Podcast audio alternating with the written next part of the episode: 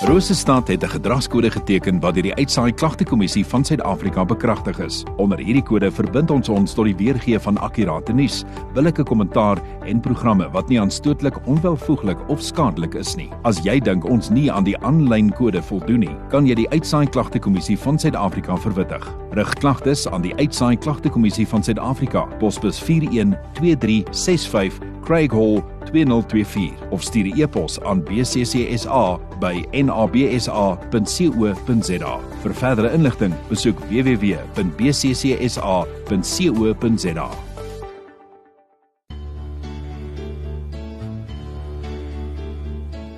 Tyd vir oggendgodsdiens op 100.6 FM. Ek bietjie vroeër gesê het, nie aan te lees saam met my en ook dan nou hierdie hele week en dan oor die naweek se uh, se godsdiens en eredienste het ons uh, vir Dominee Hannes Du Plessis van die NG Kerk Universitas Wes. Dominee, welkom. Uh dankie Cyril, dis lekker om hier by julle te wees. As as as ons 'n bietjie kyk, uh, ek vra maar altyd, jy weet, vir die ouens wat nou ook uh, luister, is daar miskien 'n tema vir die week, vir die dag? Hoe gaan ons hoe gaan ons werk? Hoe doen ons hierdie ding? Ja, Cyril, nee, ons het 'n tema vir die dag. En hierdie tema is hoeveel appels is in 'n saad? En die gedeelte wat ons gaan lees is Matteus 13 vers 1 tot 9. En dan wil ek voordat ons uh, liedjie luister en en mense die teks so lank gaan opsoek, wil ek sommer sê ons is op die oomblik in Advent. Dis so 4 Sondae voor Kerstyd en dis 'n tyd waar ons saam met al die kerke reg oor die wêreld in die kerkjaar opgewonde raak oor die geboorte van Christus en wat dit vir ons beteken. En tradisioneel het ons elke Sondag een van Christus se eienskappe wat ons vier en hierdie week vier ons hoop. En ek het nogal gedink, jy weet, hoop is iets wat ons land nodig het. En hoe sal die Here se koms hoop bring? En ek dink baie keer is dit sommer prakties. So ek wil sommer net sê in ons land het ons volgende jaar 'n verkiesing en ek dink een van die groot goed in ons land wat ons kan doen om hoop te bring is om seker te maak almal gaan stem. Jy hoef nie te vra vir wie stem jy nie, jy hoef nie politiek te praat nie, maar ehm um, daar's omtrent 20 miljoen as ek reg is mense in ons land wat in 2019 nie gestem het nie en ek dink dis 'n praktiese manier waaruit ons hoop kan bring. Ry mense aan, moedig hulle aan. Ehm um, dis een van die groot dinge wat ons land kan doen om hoop te bring ook vir die toekoms.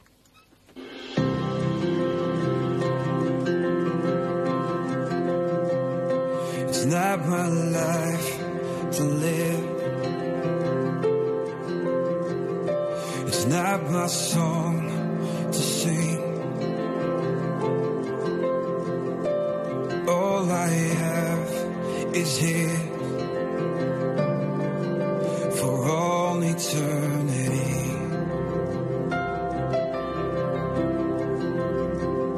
It's not my righteousness. It's not my faithfulness.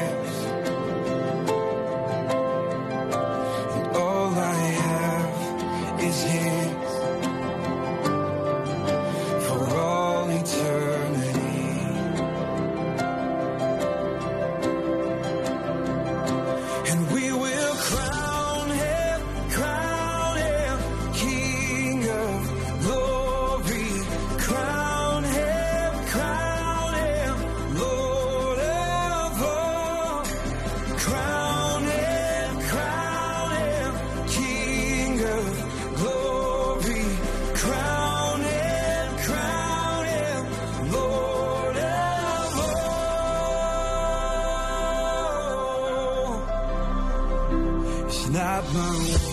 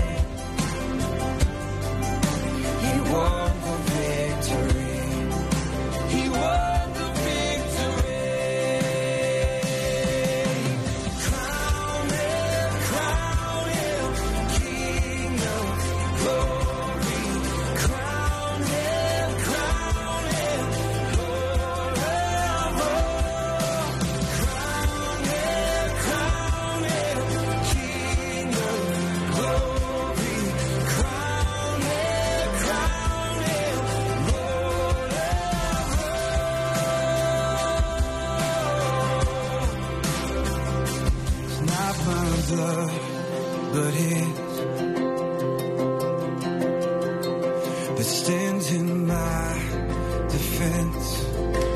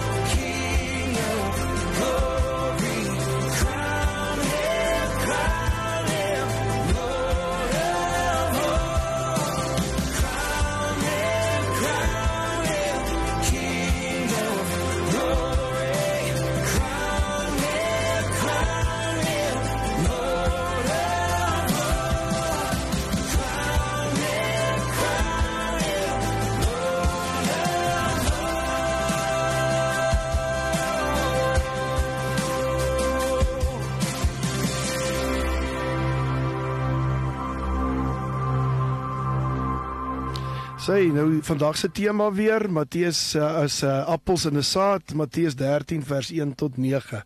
Nou Cyril, ek het 'n appel hier by my en ek wonder of jy weet hoeveel sade is in 'n appel of jy kan raai. 10. Nee, ek weet nie. 10 okay. Nee goed.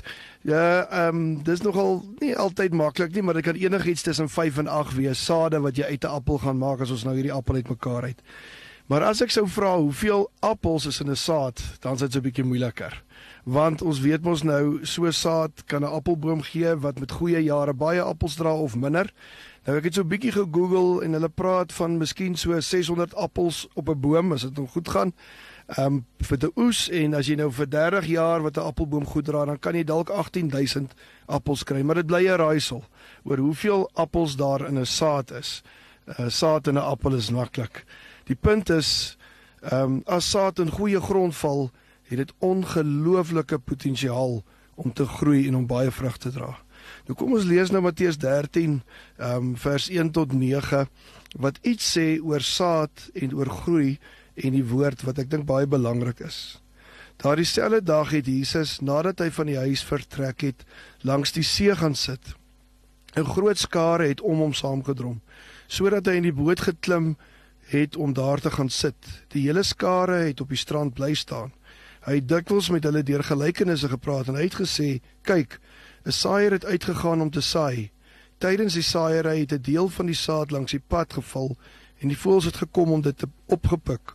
Ander saad weer het op die rotsagtige plekke geval waar daar nie baie grond was nie en dit het dadelik opgekom omdat die grond nie diep was nie. Maar toe die son opkom is dit verskroei omdat dit nie wortel geskiet het uh, geskiet het nie, het dit verdroog. Ander saad weer het tussen die dorings geval en die dorings het opgekom en dit verstik en nog ander het op die grond geval en dit het opbrengs gelewer. Party 100, ander 60, ander 30 voudig. Laat die wat ore het luister. Nou dis 'n baie bekende gelykenis en 'n bietjie later in Matteus en ek gaan dit nou nie vandag lees nie, maar verklaar Jesus ook die gelykenis. En dan sê hy eintlik in kort ehm um, die saad wat langs die pad val is die bose wat kom en roof. Ehm um, die saad in ons hart roof. Die rotsagtige plekke is wanneer ons die woord ontvang uh, met vreugde onmiddellik maar dit skiet nie wortel nie. En 'n vervolging laat dit ons struikel. Die dorings is bekommernisse van die wêreld en rykdom wat ons verstik en ons keer dat die woord vrug dra en groei en dan daar die goeie grond dis wanneer ons dit hoor dit begryp dit dra vrug sommige meer as ander maar elkeen sal sy vrug dra al is party minder as ander. Maar wat kan ons leer van die saaier? Ons praat baie keer van die saad wat val. Wel ek dink daar's 'n paar goed oor die saaier wat ons moet hoor oor die Here. Hierdie saaier is vrygewig. Hy saai wyd en hy saai welig. So dis nie dat hy vir hom terughou nie. Die saad loop, dit val oral en uh hy is nie skaam om hierdie saad te saai uh die hele area vol nie. Die saaier is ook nie spaarsamig met die saad nie. Hy die, hy saai die saad al val dit soms op onvrugbare plekke. So dis nie dat hy sê ek het net 3 saaitjies en ek gaan dit gooi nie. Daar's altyd meer om om uh, om uit te sit en hy is nie skaam om dit te gebruik nie. Ons sien dan ook iets hiervan wat Jesus probeer verduidelik van Matteus 13 af. Voorheen in Matteus is Jesus meestal in die sinagoges en in die uh die Jode mee besig om die evangelie te bring, Maar soos ons weet, het die Jode dit nie baie goed gevat nie. Inteendeel later het hulle homself tot 'n uh, kruisiging gelei.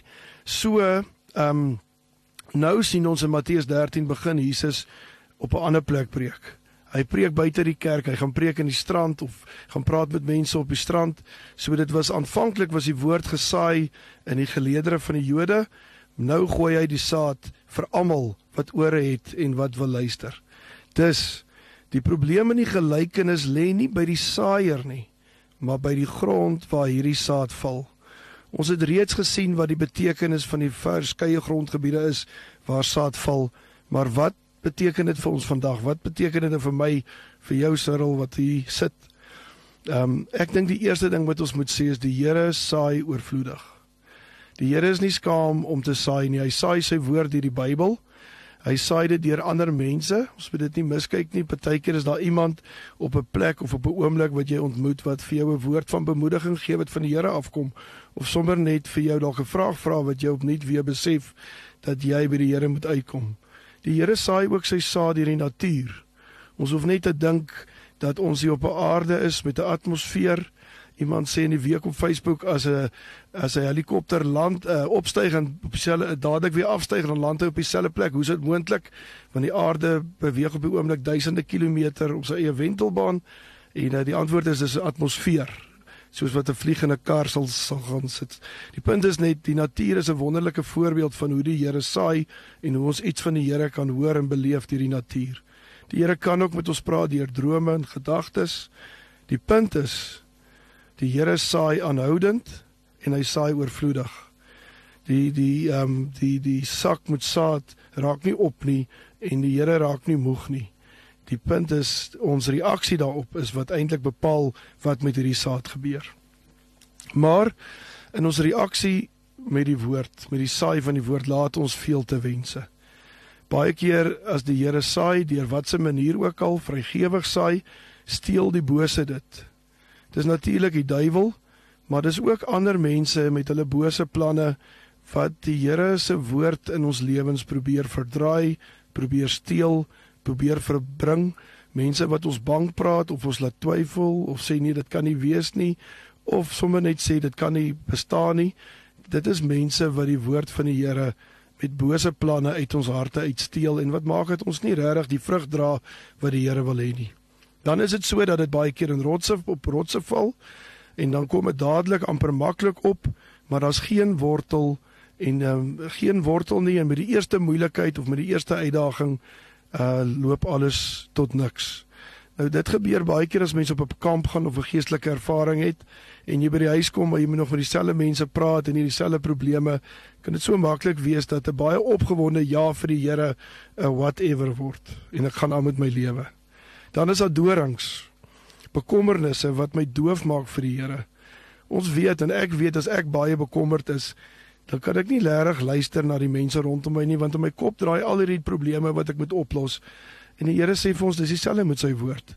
As ek op enige manier wat hy saai na 'n um, 'n nie goeie grond is nie en ek bekommerd is en ek nie fokus op dit wat ek hoor en wat ek sien en wat die Here vir my wil sê nie, dan gaan ek nie hoor nie, dan gaan my ore nie werk nie en dan gaan ek nie luister nie. Dan is die uitdaging en dit wat die Here ons toe roep is om te luister te begryp en ter harte te neem. Met ander woorde, jy maak erns om te verstaan, jy hoor nie net nie, maar jy gaan probeer verstaan. Jy doen moeite om dit jou eie te maak. En as jy dit doen, dan dra dit vrug. Soms baie, soms minder. Die vrug dra is nie van ons afhanklik nie, maar uiteindelik om te groei in die woord van die Here, hoe dit ook al gesaai word, dit is die punt. So die vraag wat ek vandag vir elkeen het wat luister, vir jou wat hier luister saam met my en wat ek vir myself vra, is is daar mense en magte wat die woord uit jou hart steel? Wat maak dat jy die Here wat weelig saai op verskeie maniere dat jy dit nie hoor nie of nie sien nie? Is daar mense of bose magte wat jou verhoed om dit te beleef? Sê jy dalk te maklik ja, ek gaan dit doen en ek gaan dit toepas, net om later moedeloos te besef daar's geen vrug nie, niks oor van jou beloftes nie. Met ander woorde, sê jy te maklik ja en gee nie kans dat dit wortel skiet nie kry bekommernisse jou onder. Sukkel jy om te luister omdat die wêreldse bekommernisse in jou ore raas en jou lewe oordonner. Die Here wil hê die vrugbare grond moet veelvoudig vermeerder sodat jy vrugbaar vrugbare grond kan wees. Met ander woorde, as jy besef hier's 'n deel van jou hart wat hierdie goed het, is dit uh, die Here se wil dat jy dit bietjie omspit, dat jy dit vir hom gee, dat jy die bose en die doofheid en die bekommernisse eenkant toe skuif sodat jou hele hart en jou siel 'n vrugbare teelaarde kan wees vir die woord van die ware van die Here. Hoekom? Want een appel het baie sade, maar een saad kan veelvoudig vrug dra en baie mense en selfs die wêreld deur die Here se woord verander. Amen. Ons kan nou 'n lied luister en dan gaan ek vir ons gebed doen.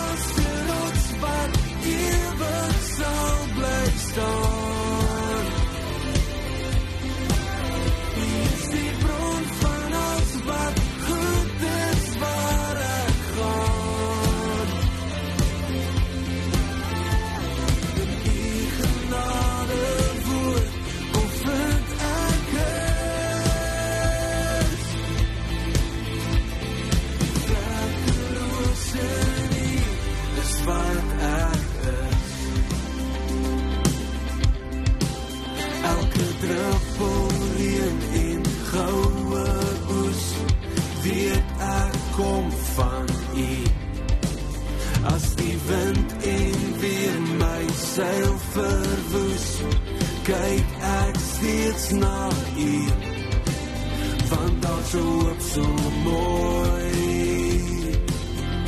Van God in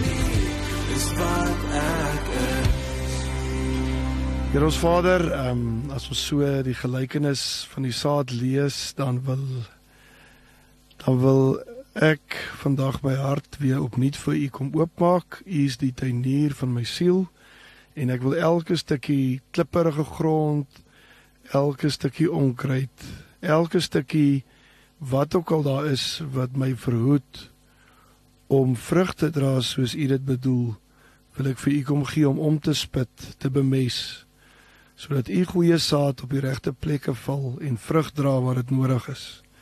Dankie Here dat u nie suinig is wanneer u u woord saai nie en dat ons net om ons hoef te kyk. Dat ander mense in die natuur en die woord om dit te kan raak sien. Maak ons oë ook oop daarvoor en maak ons harte ontvanklik om goeie en baie vrug te dra. Amen.